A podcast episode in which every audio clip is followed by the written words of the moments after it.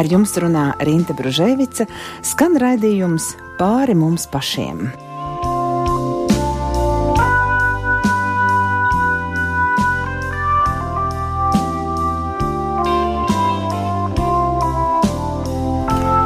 Šodien ir svētku diena par godu māmiņām.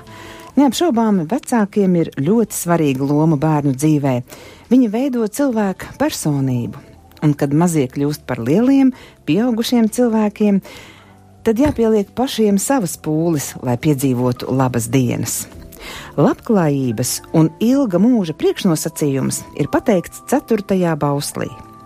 Tev būs savu tēvu un savu māti godāt kā tas kungs, tavs dievs, tev to ir pavēlējis, lai tu ilgi dzīvo un lai tev labi klājas tanī zemē, ko tas kungs, tavs dievs, tev dos. Kāpēc ir svarīgi godāt savus vecākus? Kas raksturo godīgu attieksmi pret vecākiem, un kādu ģimeni varam saukt par stipru ģimeni? Meklēsim atbildus uz šiem jautājumiem kopā ar studijas viesiem. Uz sarunu esmu aicinājusi Baptistu mācītāju, biskupa vietnieku Edgars Godiņu. Labvakar! Un savu krastu un skultes luterisko draugu mācītāju Ivo Pavloviču. Labvakar!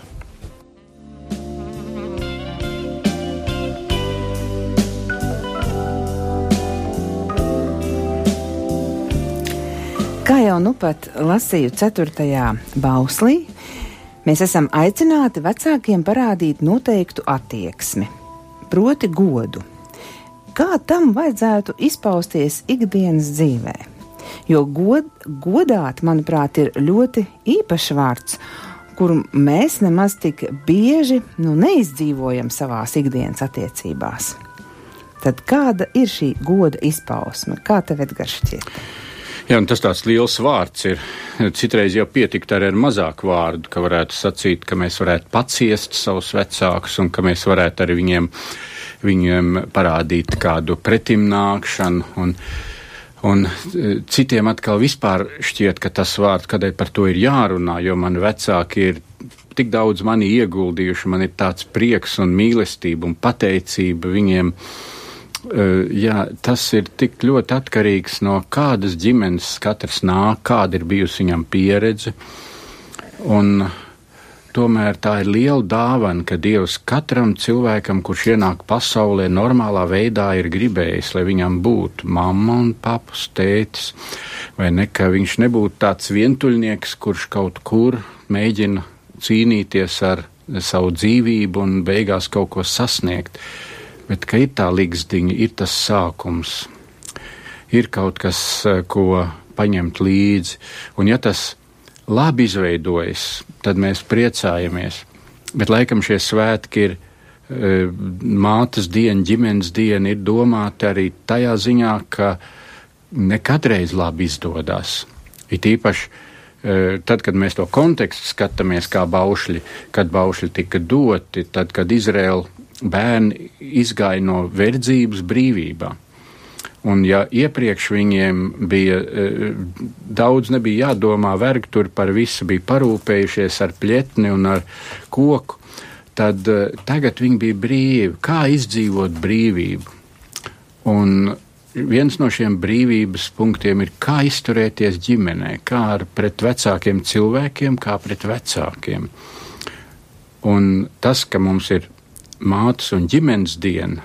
Tie ir svētki, un ar svētkiem vienmēr iezīmē kaut ko nozīmīgu, ko nedrīkst aizmirst. Un tā mēs arī šogad ar prieku un ar, ar, ar pārdomām esam klāt pie šī svarīgā temata. Jā, vārds godāt īstenībā ļoti interesants vārds, jo tad, kad mēs sakām godāt, tad principā tas kaut kādā veidā sasaucas ar mūsu attiecībām ar Dievu. Jo arī Dievu mēs godājam. Un tādēļ arī ļoti pareizi teica, ka tas tāds nu, ļoti liels vārds patiesībā, un ja ceturtais bauslis saka, tev būs savu tēvu māti godāt, nu tad jāsaka tā, ka tēvs un māte ir cilvēki, nākamie cilvēki aiz Dievu patiesībā ja mēs tādā hierarhiskā secībā runājam. Un ir ārkārtīgi interesanti, ka arī uh, baušļi, uh, ja mēs sakām, piemēram, baušļi tā tad ir desmit. Pirmais bauslis par Dievu, otrais bauslis par Dievu, trešais svētā diena, nu arī varam teikt par Dievu. Ceturtais bauslis pirmais no tiem baušļiem, kas uh, regulē attiecības starp uh, cilvēkiem, ir uzreiz par ģimeni un par tēvu, māti un godāšanu. Un faktiski tas noliek arī zināmā hierarhiskā secībā. Dievs, tēvs, māte. Tātad ģimene. Jā, interesanti varētu tā arī domāt, kas nāk vispirms, vai goda nopelnīšana, eh, vai goda došana labi jau būtu, ja gods vispirms tiek nopelnīts. Ka vecāki tā dzīvo, ka viņi ir nopelnījuši to, ka viņi tiek godāti.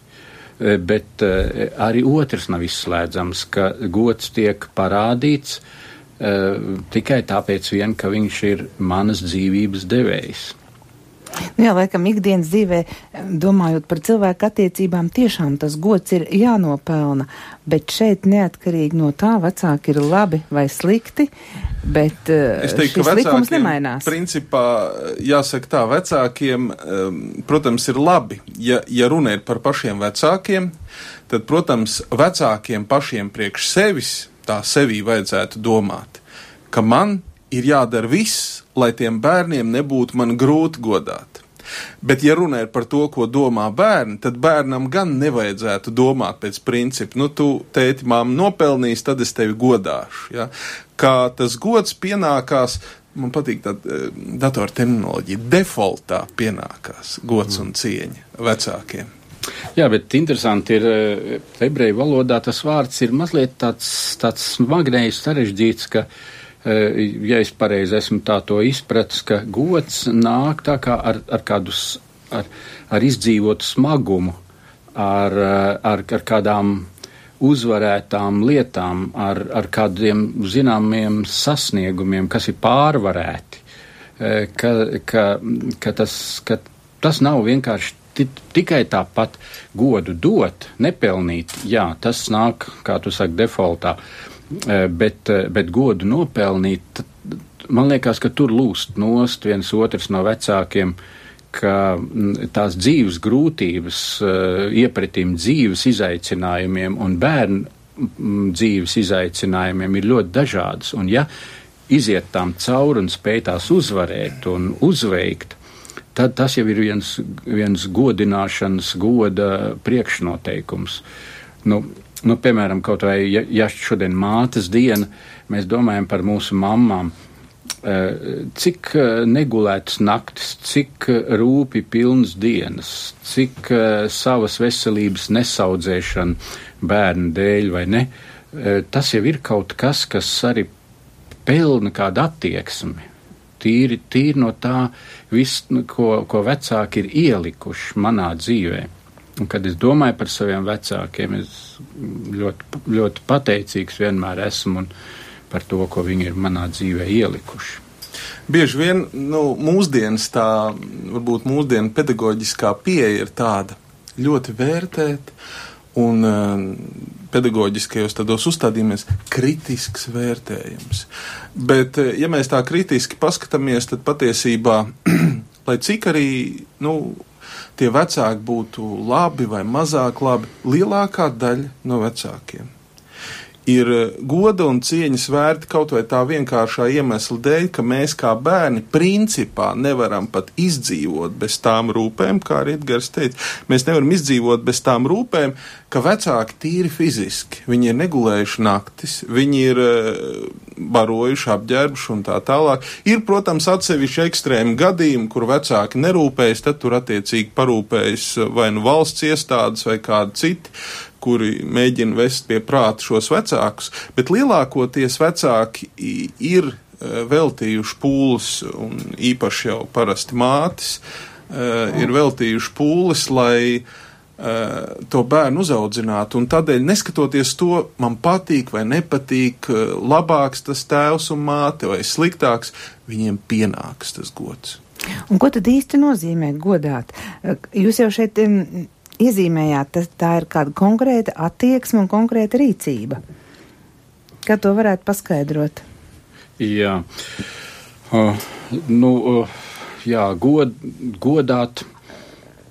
Droši vien respektēt, varētu būt viens vārds. Paklausīt arī. Mm, par paklausīšanu es daļai piekrītu, bet daļai varbūt arī nē. Ka, e, tas būtu ļoti pret Dievu, ja mēs to attiecinām noteikti. E, godājot Dievu, mēs parādām to tikai paklausībā. Bet pret vecākiem redz, tad, kad dzīvē skatās visas tās situācijas, vai nekur vecāki ir bijuši tādi, ka bērni saka, vienīgais, par ko es varu būt pateicīgs, ka es esmu nācis pasaulē, par pārējo nevairs.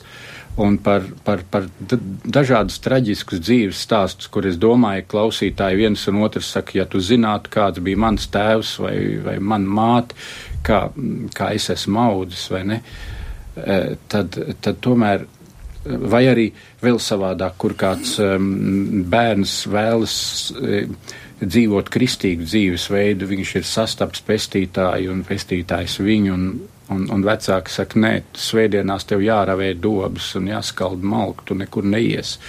Uh, un, un, un, un tādos brīžos uh, kādu padomu tur iedot, vai ne, kad liekas, respektam ir jāpaliek, mīlestībai ir jāpaliek, uh, bet varbūt, ka paklausība ne katreiz varbūt ir tas vārds. Jā, bet, nu, varbūt, bet paklausība tādā ziņā redz, eh, paklausība tajās lietās, eh, tur vienmēr ir tā smalkā robeža. Ir robeža, kur ir tās laicīgās, praktiskās, ikdienišķās lietas, kur mums ir jāmācās un jātrenējas paklausīt, kaut vai lai mūsu egoismu kaut kādā veidā piezemētu. Uh, ir tās lietas, par kurām mēs zinām, ka dievam vairāk jāklaus nekā cilvēkiem, ieskaitot, tas varbūt arī attiecībā uz vecākiem, bet es domāju, ka lielākoties, un īpaši mūsdienās, tās problēmas nav tādēļ, ka vecāki tur kaut kā īpaši slikti izturās pret bērniem, bet man kaut kā vairāk tomēr liekas, ka tās paklausības un tādas subordinācijas trūkums ir tas, kas izraisa vairāk problēmu nekā kaut kāda vecāku varas, teiksim, pārlieka lietošana vai uzurpēšana. Manuprāt, pat mūsdienās tas ir, nu, atsevišķi ir patoloģiski gadījumi, bet lielākoties mūsdienu sabiedrībā tas pat ir diezgan grūti realizējams. Jā, nu tāda pakļaušanās tā, zināmai vecuma grupai, tā ir īpaši, īpaši grūta, vai ne, kad nav tīņi gadi, vai ne, ka liekas, ka vecāki no varoņiem, kā viņi kādreiz bija pašā sākumā, tagad muļķiem. pārvēršas par muļķiem, kas, kas neko lāk no dzīves nesaprot un nezina. līdz kamēr atkal nonāk līdz tam, kas sāk, kas sāk ieklausīties. Jā, bet uh, godā tas, tā, tā ir viena, uh, viena dieva pavēle, uh, kur ir vienkārši jāņem vērā un ir, un ir jāzina, tev ir vecāki, pret citiem var būt šā vai tā, bet, bet pret vecākiem ir īpaša attieksme. Īpaša attieksme. Ieklausies, nomierinies, nesacelies uzreiz, pārdomā. Viņi ir, ir no dieva tev ielikt tavai dzīvē. Jā, pareizi. Man patīk, kā tu sacīji, jā, egoismu ierobežošanai arī. Jā. Turklāt, ja mēs paskatāmies um, šī ceturtā baušļa Lutera komentāru, tad, tad kad mēs lasām šo bausli, tev būs savu tēvu māti godāt. Mēs vienmēr tradicionāli šo bausli izprotam ne tikai tādā šaurā nozīmē. Tēvs, māte, vecais tēvs, vecā mamma, respektīvi manas uh, konkrētās ģimenes, uh, mani radinieki, tie, kuri gados vecāki. Bet faktiski Luters komentējot šo, šo bausli, viņš saka, uh, mums būs Un tas ļoti labi, kā viņš komentē katru balsu. Viņš saka, mums būs dievu bīties. Eh, dievbijība ir pāri visam, un tad viņš saka, mums būs dievu bīties mīlēt, ka uh, savus vecākus un kungus nenicinām, neaizskaitinām, bet tos godā turam, tiem kalpojam, paklausam, tos mīlam un cienam. Vecākus un kungus. Uh, nu, mūsdienu leksikā varētu nepatikt vārds kungi, Eh, bet eh, vārdam nav nevainas, bet vienmēr ir cilvēki, kuri eh, amatā, atbildībā, sabiedriskajā stāvoklī ir augstāki par mums. Un šeit tiek ielikti nopietni pamati arī sabiedrībai un tādai zināmai subordinācijai, jeb pakārtotībai, jeb uh, kārtībai sabiedrībā, ka jā, mēs esam kā cilvēki vienlīdzīgi, jā, mēs esam kā grēcinieki vienlīdzīgi, bet tai pašā laikā pēc vecuma, pēc sabiedriskā stāvokļa, pēc ieņemamā amata mēs neesam vienlīdzīgi. Un šo nevienlīdzību mums ir jāievēro. Eh, nevelti arī jaunajā derībā tiek atkārtots, kur uh, apustulis saka, dodiet godu, kam nākas gods, cieņu, kam nākas cieņa, bību, kam nākas bība. Tā ka šis bauslis ir attiecināms vēl plašāk, ne tikai uz ģimeni, bet uz sabiedrību kopumā. Jā, jā, vispār tas vārds autoritātes, tas kādā mērā zaudē savu nozīmību, un tas nav labi. Uh, tur, kur pazūd uh, labas autoritātes, tur vietā ienāk kādas apšaubāmas autoritātes. Vai cilvēks vispār var dzīvot bez autoritātes? Tas ir arī jautājums. Gribētos jau daudziem, ka es esmu brīvs no jebkā, es varu visam spļaut virsū. Jā, bet tas, mēs runājam par paklausību, vai tas arī ietver to, ka mums ir jābūt bezieru un paklausība, eh, paklausībai jebkurām autoritātēm? Nē, nu, tas, tas tāds pārspīlējums, es domāju, kur, kur vispār ir bezieru un paklausība. Bezieru un paklausība ir tur, kur nav iespējas izvēlēties. Dievs radot ēdenes dārzu gribēja no cilvēkiem paklausību, bet viņš paredzēja iespēju un to paredz brīvība. Brīvība paredz iespēju arī rīkoties citādāk, un tādēļ tur tas koks bija. Ja? Tā ka pats Dievs pieļauj, es saku, ka vajag tā. Bet tev cilvēki ir iespēja paklausīt vai nepaklausīt. Un tā ir arī tā ceturtā baušļa, eh, un kā jebkura baušļa iespēja, tu vari paklausīt un izbaudīt svētīgos paklausības vispirms dievam augļus, tu vari nepaklausīt un izbaudīt arī savus nepaklausības, jeb savu dumpju augļus. Tā kā paklausība nekad īsti bezieru un viņa, nu, es nezinu, varbūt kaut kādā cietumā vai smagā verdzībā kaut kur ir bezieru un paklausība, bet tā um, dzīvē tāda reti ir sastopama, manuprāt. Redz, eh, ja mēs vēl tā atgriežamies pie tā vārda godāt, viņ, es domāju, ka viņš laikam katrā vecuma grupā mazliet ir atšķirīgs. Uh, viens ir tad, kad e, bērns uzlūko vecākus, cits ir tad, kad gandrīz līdzvērtīgi spēka gados vai neuzlūko vecākus, un cits ir tad, kad vecāki kļūst vairs nevarīgi, kad, kad, kad, kad, kad tiem bērniem jau vairāk ir jārūpējās par vecākiem, kur neko pretī nevar dot, varbūt tikai rūpes vien prasa. Uh, E, dažādos, dažādos posmos ir dažāda, dažāda attieksme, bet visos posmos tas viens paliek godāt, vai ne? Un, un katram posmam ir tas godāt varbūt būs mazliet savādāk. Viens būtu ieklausīties padomā, cits ir uh, dzīves otrajā pusē esot veltīt laiku. Uh, paska, uh, neņemt vērā, ja vecāki kaut ko aizmirst, ja viņiem krīt no rokām ārā, ja uh, ja vairs nevar tā, kā bija agrāk, jo kādreiz jau mm, katram mums arī pienāks tas laiks, kad um, nevarēs tā kā vairs bija. Un, un tad parādīt laiku, mīlestību, iejūtību, izpratni.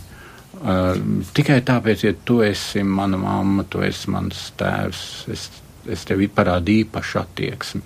Nenodod uh, uzreiz svešās rokās, kur paziņos tad, kad būs jāiet uz bērēm, bet ka rūpējās tā, lai vecāki tiešām saņem to mīlestību vēl arī tad, kad vajadzētu atdot atpakaļ kaut ko no tā, kas bērnībā ir investēts.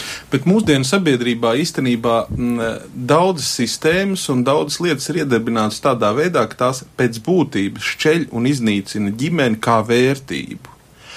Jo, jo tā kā tu pareizi arī sacīji, tad, piemēram, tas, kas notiek ar bērnu bērnībā, kādas vecāki, īpaši māte, rūpes ir parādījis par bērnu, uh, Eh, tad, kad viņš ir mazs, tad, kad viņš ir gājis skolā un audzis, un, un tas, kādas rūpes bērni parādīs eh, par vecākiem, tad, kad viņi būs veci, tās ir eh, vienas lietas, divas puses, kas savstarpēji ir saistītas.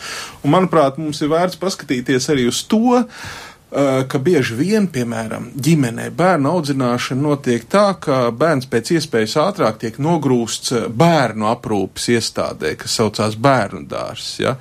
Tikko bērniņš ir sācis cik necik pats par sevi kaut ko, Mammai ir jāstrādā, tētim ir jāstrādā, darbs līdz pieciem, bērniņi ieliek eh, aprūpas iestādē, kas nesauc pansionāts, bet saucās uh, bērndārs, kas ir savā veidā pansionāta analogs tikai bērnībā. Ja? Protams, mēs varam teikt, uh, ka tāda iespēja, tur jāstrādā, bet te mēs atkal varam atgriezties pie tiem pamatiem uh, un runāt arī par to, ka arī ģimenei vīrs un sieva, vīrietis un sieviete, viņi nav, viņi ir vienādi, eh, vienlīdzīgi Dieva priekšā, bet viņi nav vienādi pēc savas funkcijas, kuru viņi mēģina ģimenē. Un ģimene ir tā lieta, kur ir jāuztur, un ģimenes pavārds ir tas, kurš jāuztur. Un ja abi vecāki tagad nododas darbam, nododas aktīvai strādāšanai un karjerai, tad bērns kļūst par trešo, ceturto vai piekto lieko, kurš eh, zinām laiku tiek eh, nolikts kādā iestādē. Uh, Un tad pazūd šīs ģimeniskās saites, un tas ir kaut kas tāds, kas jau ir mūsdienās varbūt pat iegājies kā norma. Es pieņemu, ka daži varētu sacīt mācītāji, ko tu te vispār runā. Mēs taču lielākā daļa tā daram, rindas bērnu dārzos un tam līdzīgi, bet tā normālā lietu kārtība, normālā lietu kārtība ir tā, ka ģimenē abi nevar vienlīdz, ar vienlīdzīgu spēku vērsties uz āru un darboties kaut kur ārpusē. Ir kāds, un tādēļ mēs īpašu uzmanību pievēršam šodien arī mātei, ir kāds, ja precīzāk sakot, kāda, kuras svēts un dieva nolikts pienākums ir uzturēt ģimenes pavārdu, ģimenes siltumu, un tā ir māte, tā ir sieviete. Jā, jā, šis ir eh, ļoti svarīgs, bet arī ļoti karsts jautājums, jo ne visi nonāk līdz tam luksusam, kā arī, teiksim, mana sieva mūsu bērnus mājās esot uh, izaudzināju, un es domāju, ka tā, tā bija liela pašaizliedzība. Uh, iepratim budžetam un iepratim arī sevis apliecināšanai. Svētīgs tās un, sievietes, un tā. Varbūt arī, ka tāpēc tieši mātes diena tik tā izvilkta dienas gaismā, lai pateiktu, ka būt mātei mājās, mājasaimniecei, kas bērnus audzina, ka tā ir goda lieta, nevis uh, kaut kāda, nu, Eh, sabiedrībai nederīgs, Tieši nederīga tā, nodarbība. Tā problēma bieži vien ir tā, varbūt tas tā netiek mm, ļoti afišēts, bet pēc noklusējuma tiek pieņemts, ka sievietei arī jāstrādā. Un tad patiesībā sieviete tiek varbūt pat neapzināti spiesta izvēlēties vai veidot karjeru un uh, savā ziņā atiet nost no šīs ģimenes pavarda turēšanas. Un tā ir ļoti nopietna problēma. Jā, es esmu dzirdējis, ka pamatojums tam esot bijis tīri, tīri saimniecisks. Jo, jo tad, tad rodas lielāks naudas apgrozījums tā, e, valstī. Vairāk tiek pirkts. Jo vairāk naudas, vairāk tiek pirkts. Tāpēc, Tikai sociālās ka, problēmas ir lielākas. jā, bet e, par to jau tie, kur ražo, tie nedomā. Un, un, un, un jau tūlītās jau Eh, pēc otrā kara vai nekad ievies eh, nevien tikai mācas diena nebija, bet, bet sieviešu diena vai nekas sievieti eh, uz traktoru un sievieti pie konvejeru un, un taču ne jau mājās pie savu bērnu. Sieviešu dienai cits, cits nozīme. Jā, cits bet un ar to tajā laikā jau mācas diena nesvinēja, kaut arī Latvijā jau viņa no 22. gada tika svinēta. Bet, bet tā tas ir, ka tomēr atgūt to mātes godu, jo, jo ta, es arī priecājos par to, ka tagad arvien uzlabojās valsts attieksme pret, pret bērniem, bērnu nākšanu pasaulē, bet tas varētu būt vēl labvēlīgāks, jo, jo rūpnīcas ražo preces un pārdod valstī vienīgais, ko viņi varētu atbalstīt un ražot, būtu bērni jo tā ir tā nākotne, uz ko valsts var pastāvēt. Un viņi nevar ražot, viņi var atbalstīt, stiprināt un tādus bērnus, kuri, kuri ir ar savu stāju, savu pārliecību, savām vērtībām, kuri ģimenēs auguši. Es patiesībā teikšu tā, mums šai mātes un ģimenes dienā vajadzētu zvanīt visus iespējamos trauksmes zvanus, jo tas, kas notiek Latvijā, patreiz ir katastrofa. Un tā katastrofa izpaužās uh, ar divējādi, ar dubultu spēku, ja tā var teikt, viena lieta. ka mūsu latviešu un ne tikai latviešu, mūsu Latvijas pilsoņi izbrauc masveidīgi ārā un populācija iet mazumā. Otra lieta, ka dzimstība ir katastrofāli zema. Katastrofāli zema. Un faktiski atsevišķās vietās mēs ar draugu runājam, varbūt, kā, varbūt tā nav. Zinu, ka Sigulda esot viena vieta, kur dzimstība pārsniedzot mirstību viena no retajām vietām. Un tā ir nopietna lieta. Mēs varam celt ekonomiku, mēs varam runāt par visu kaut ko, bet ja nedzimst cilvēki, nu tad ir katastrofa. Ja? Tā ir katastrofa. Un valstī būtu jādomā ļoti nopietni par to, kā stiprināt, es teikšu, tādā terminoloģijā, ģimenes institūtu, nevis kopdzīvi bet ģimenes institūtu. Un te, te ir atkal Jā. tā atsevišķa lieta. Kopdzīve un ģimene tas nav viens un tas pats. Redz, daudziem jau arī šajās paudzēs dzīvojot, nemaz nav tāds īpaši labs uh, modelis, ko viņi būtu redzējuši no saviem vecākiem. Ne, ka kaut kur tā dzimtas līnija ir tikusi traumēta. Eh, kādreiz uh, dzīvoja kopā un bija autoritātes vectētiņš un tēvs un, un vecmāmiņa un māte vai ne, un, un, un, un mazbērniņi, un tie visi turējās kopā, un tad tā bija kāda tāda spēcīga dzimtas līnija. Kad tā līnija tiek saraustīta ar, ar, ar šķiršanos, ar savu ego izdzīvošanu, tad beigās liekas, kur ir tas labais modelis Bet e, mātes un ģimenes diena varētu būt tāds atkal labs izaicinājums.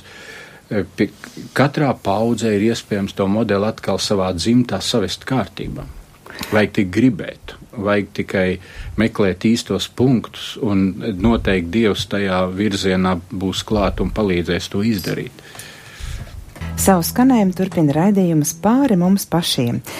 Šodien, kad svinam māmiņu dienu, mēs domājam par ceturto bausli, kas ir uzrakstīts Bībelē. Proti, tev būs savu tēvu un savu māti godāt, kā tas kungs tavs dievs tev to ir pavēlējis, lai tu ilgi dzīvo un lai tev labi klājas tenī zemē, ko tas kungs tavs dievs tev dos kas raksturo godbijību, godbijīgu attieksmi pret vecākiem un kas ir stipras ģimenes pamatā, par to mēs arī domājam šovakar raidījumā. Studijā ir baptistu mācītājs bīskapa vietnieks Edgars Godiņš un Saukrastu un Skultes luterisko draugu mācītājs Ivo Pavlovičs.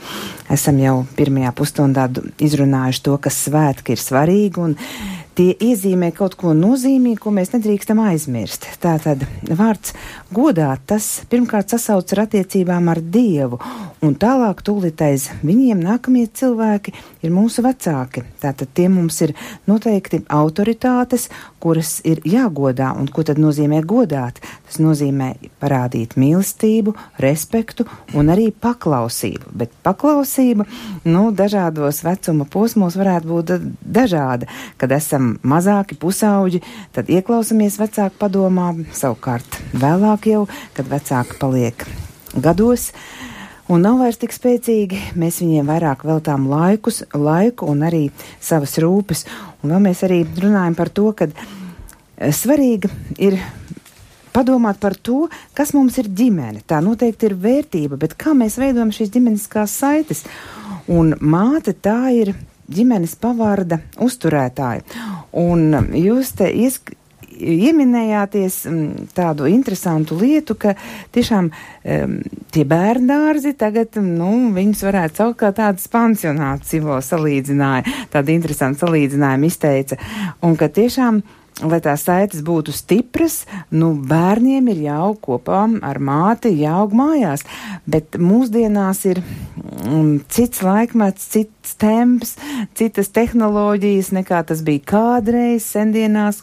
Nu, ne tikai vien tad, kad bauši tika doti, bet arī vēl pavisam varbūt nesen pirms kādiem, nu, gadsimta vai diviem.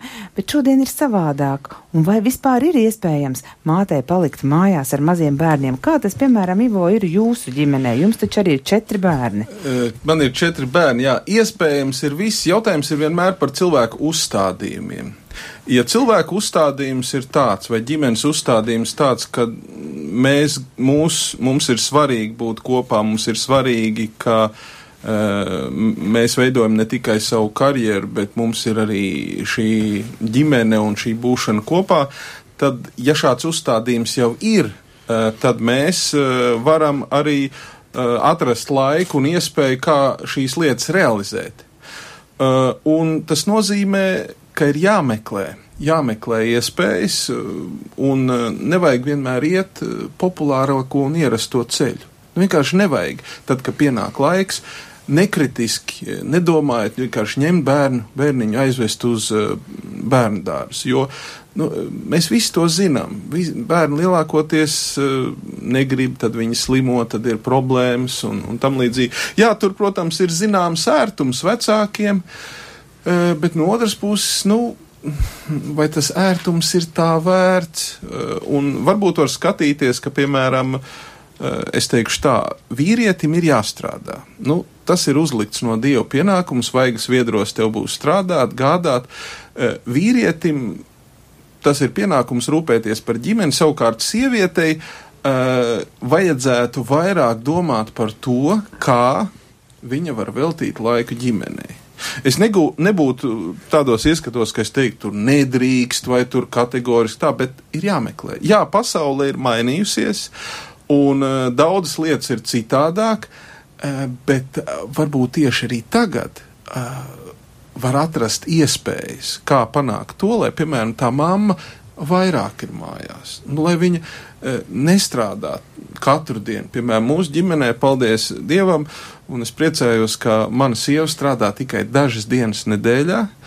Un, un mē, mūsu bērnus pieskat uh, gan, gan sievas māte, pieskat, gan mana mamma, gan uh, manas sievas māsas, gan arī mana māsa, gan arī es pats. Uh, Un tādā veidā mēs atrisinām to, ka tie bērni ir pieskatīti un turklāt viņi komunicē un viņi ir kopā ar saviem eh, radiniekiem, ar savu ģimeni, tiešo ģimeni un arī tuvākajiem. Kā Edgars, tavā, tavā ģimenē tas, tas bija? Tu jau arī pats uzaugi lielā ģimenē. Cik jūs bijāt desmit? Mēs bijām vai? desmit, jā. Un, uh, Un mums jau pašiem tur labi gāja. Nevienu nevien prom nesūtīja uz bērnu dārzu, viss varēja būt kopā. Nu, man liekas, ka ļoti svarīgi ir, ir, vai vecāki var atrast kvalitatīvu laiku bērniem, jo citreiz ir tā, ka vecākiem neatrodas kvalitatīvs laiks bērniem, un pienāk laiks, ka, ka bērni atmaksā vecākiem ar to pašu, jo viņi nav redzējuši, ka varētu būt savādāk. Un tad vecāki saka, kā tā, kāpēc, kāpēc tu pie manis neatbrauc, kāpēc tu man nepalīdzi, kāpēc tu neinteresējies, kā man klājas, kā es jūtos, kāpēc te, es tev esmu vienaldzīgs, vecāki pārmet saviem bērniem, kur to pašu viņi ir parādījuši bērnam, kamēr viņš bija bērns. Jā, tas ir tāds izaicinājums, un ne katreiz var sacīt, nauda ir par maz, ja būtu vairāk naudas, tad varētu Tas nav naudas jautājums, tas ir attieksmes jautājums, jo nauda jau kaut kur tiek vienmēr izdota un izdot par tām lietām, ko domā, kas ir svarīgi. E, labi ir, ja izdomā, ka bērns ir svarīgs. Jā, tā ir, ka vecāki ir atbildīgi par ģimenes dzīves veidošanu un uzturēšanu, un mēs zinām, ka stipras ģimenes veidos stipru valsti. Tātad, kas ir īsti ģimene?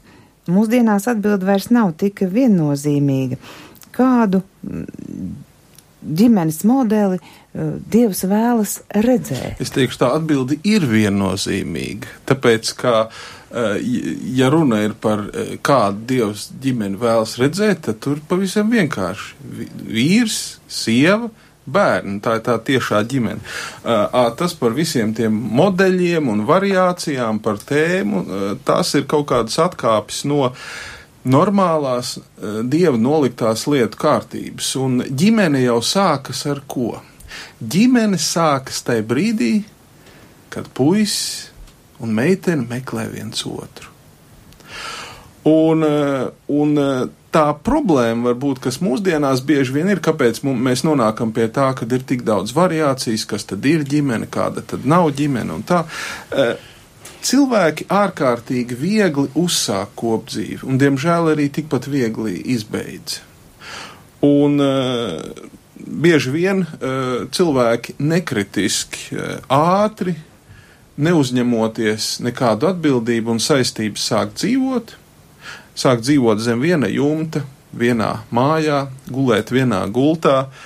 Un uh, dažkārt arī varbūt tiek pie bērniem, un tad viņi pēkšņi izdomā, ka nē, laikam ka, kaut kas tur tā īsti nav, un tad maina partnerus, uh, tad atkal kaut ko meklē.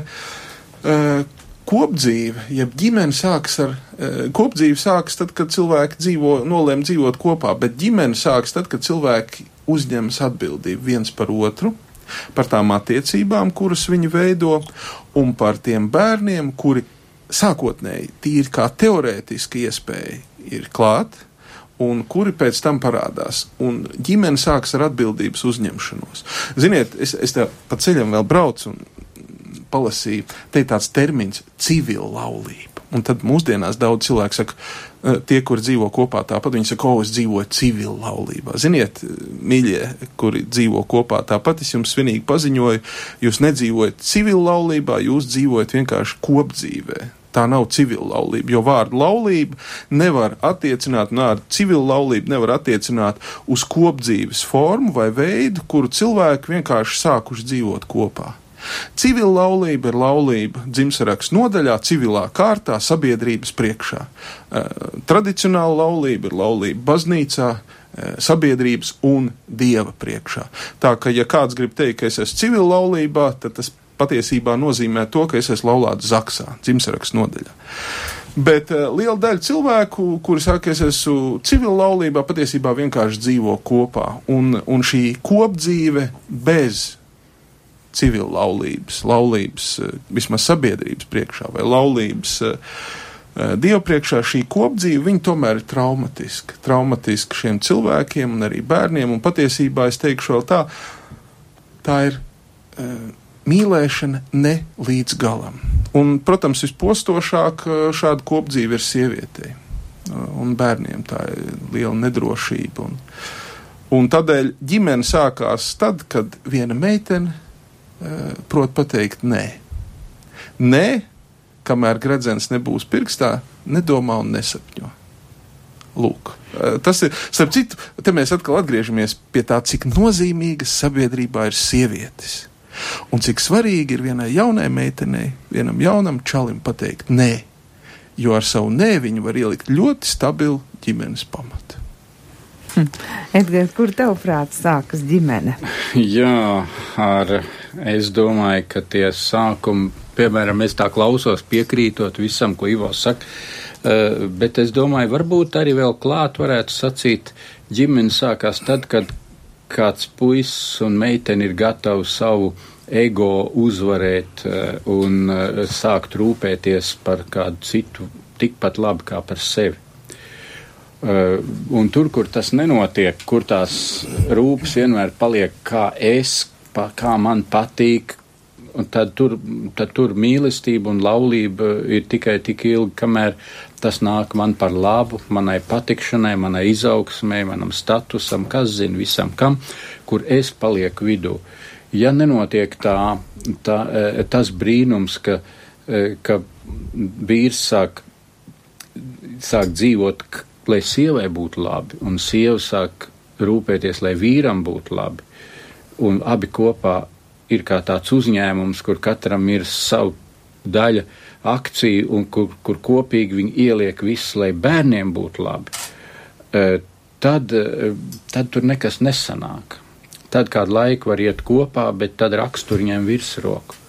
Tajā ziņā ir ļoti svarīgi E, tas uz kādas bāzes, kas ir tas spēka avots, tāpēc, ka nav jau viegli dzīvot uh, priekš citiem un īstenot arī savu dzīvi. Tas nav viegli. Un tajā ziņā varbūt ticīgiem cilvēkiem mm, ir mazliet priekšrocības, jo viņi zina, ka ir kaut kas jādara tikai tāpēc vien, ka Dievs to tā ir sacījis. Jo Dievs, ja Dievs kaut ko ir sacījis, tad viņš to labāko ir pateicis priekšā un mums nav daudz jāmeklē, kāpēc un kā, zinām, tas ir tas labākais ceļš.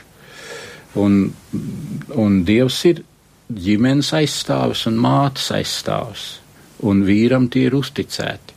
Un ja vīrs padodas, tad, tad jāsaka, žēl, ka nav to stipro vīru vairs tik daudz. Var teikt, ka dieva autoritāte izpauž tieši caur ģimeni.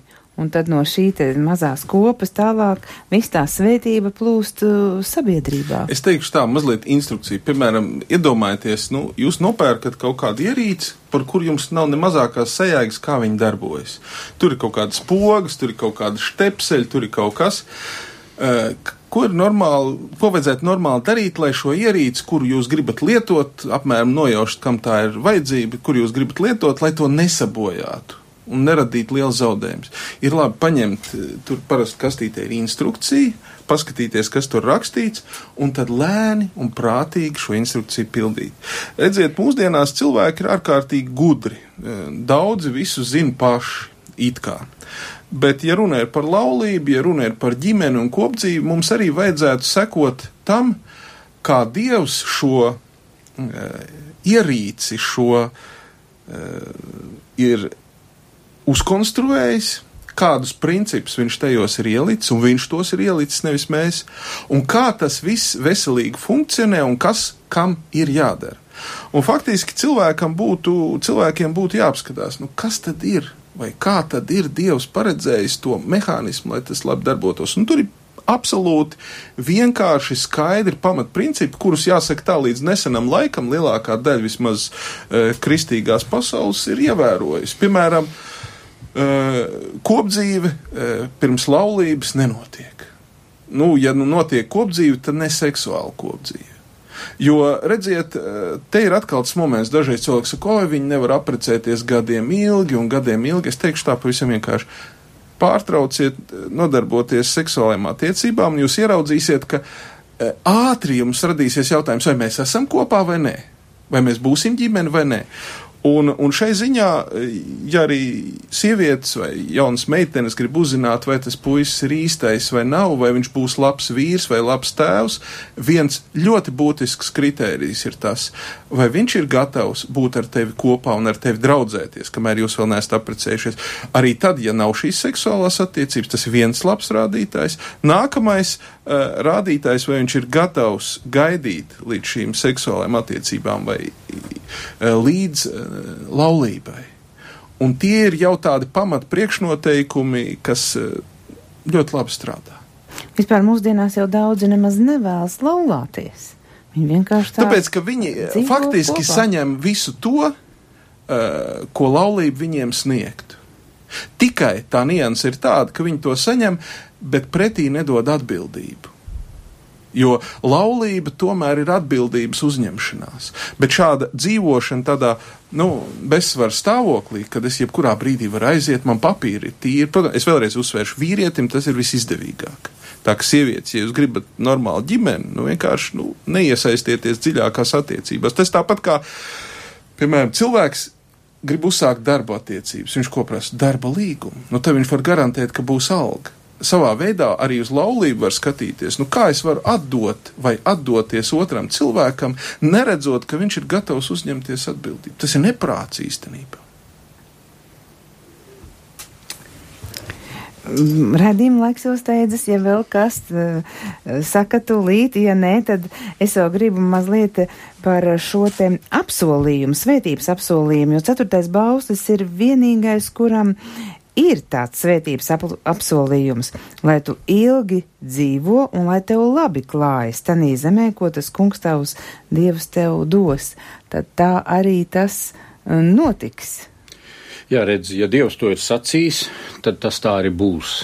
Un uh, mums atliek vienīgi meklēt dzīvē tās pieredzes un apstiprināt un teikt, tam ir liela sakarība starp to, uh, kā cilvēks izdzīvo uh, savu atbildību, savas dzimtas un vecāku priekšā, savu bērnu priekšā, un no tā, kā veidojas, cik kvalitatīvs un ilgs veidojas viņa mūžs.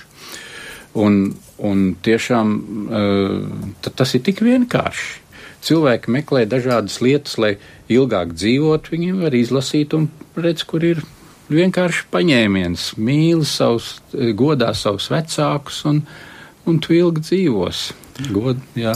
Un tas ir tāpatās, ja mēs domājam par ilgspējīgu sabiedrību, par mūsu valsts nākotni. Vienīgais veids, kā mēs varam nodrošināt mūsu valstī nākotni, ir stiprinot ģimenes. Jo faktiski šis bauslis tev būs savu tēvu mātu godāt, lai tev labi klājas un tu ilgi dzīvo savā zemē. Šis ir apsolījums, kurš ir ne tikai konkrētai ģimenei, ne tikai konkrētam cilvēkam, ne tikai konkrētam bērnam, kurš godā savus vecākus, bet faktiski tas ir apsolījums, kurš ir saistošs sabiedrībai kopumā. Stipra ģimene, labas attiecības, tas nozīmē, ka arī ir stipra un spēcīga un ilgspējīga sabiedrība. Jā, varbūt, ka varētu kādus tādus ieteikumus uh, ieteikt. Tas viens ir, lai būtu vieglāk uh, godāt savus vecākus, varbūt varētu tiem, kuriem mm, rodas šaubas un kur nezin, kāpēc un kā, nu, uzrakstīt kādu sarakstīnu, par ko es esmu pateicīgs saviem vecākiem. Par ko? Un, un tā, ja rūpīgi izskatītos, man liekas, tas saraksts būtu diezgan liels un, uh, Un tad, ja pretī arī kāda negācija celtos no sirds, tad uh, varētu sacīt, bet šeit ir pietiekoši pamats, lai es saviem vecākiem apliecinātu savu godbijību un, un, un savu cieņu un respektu.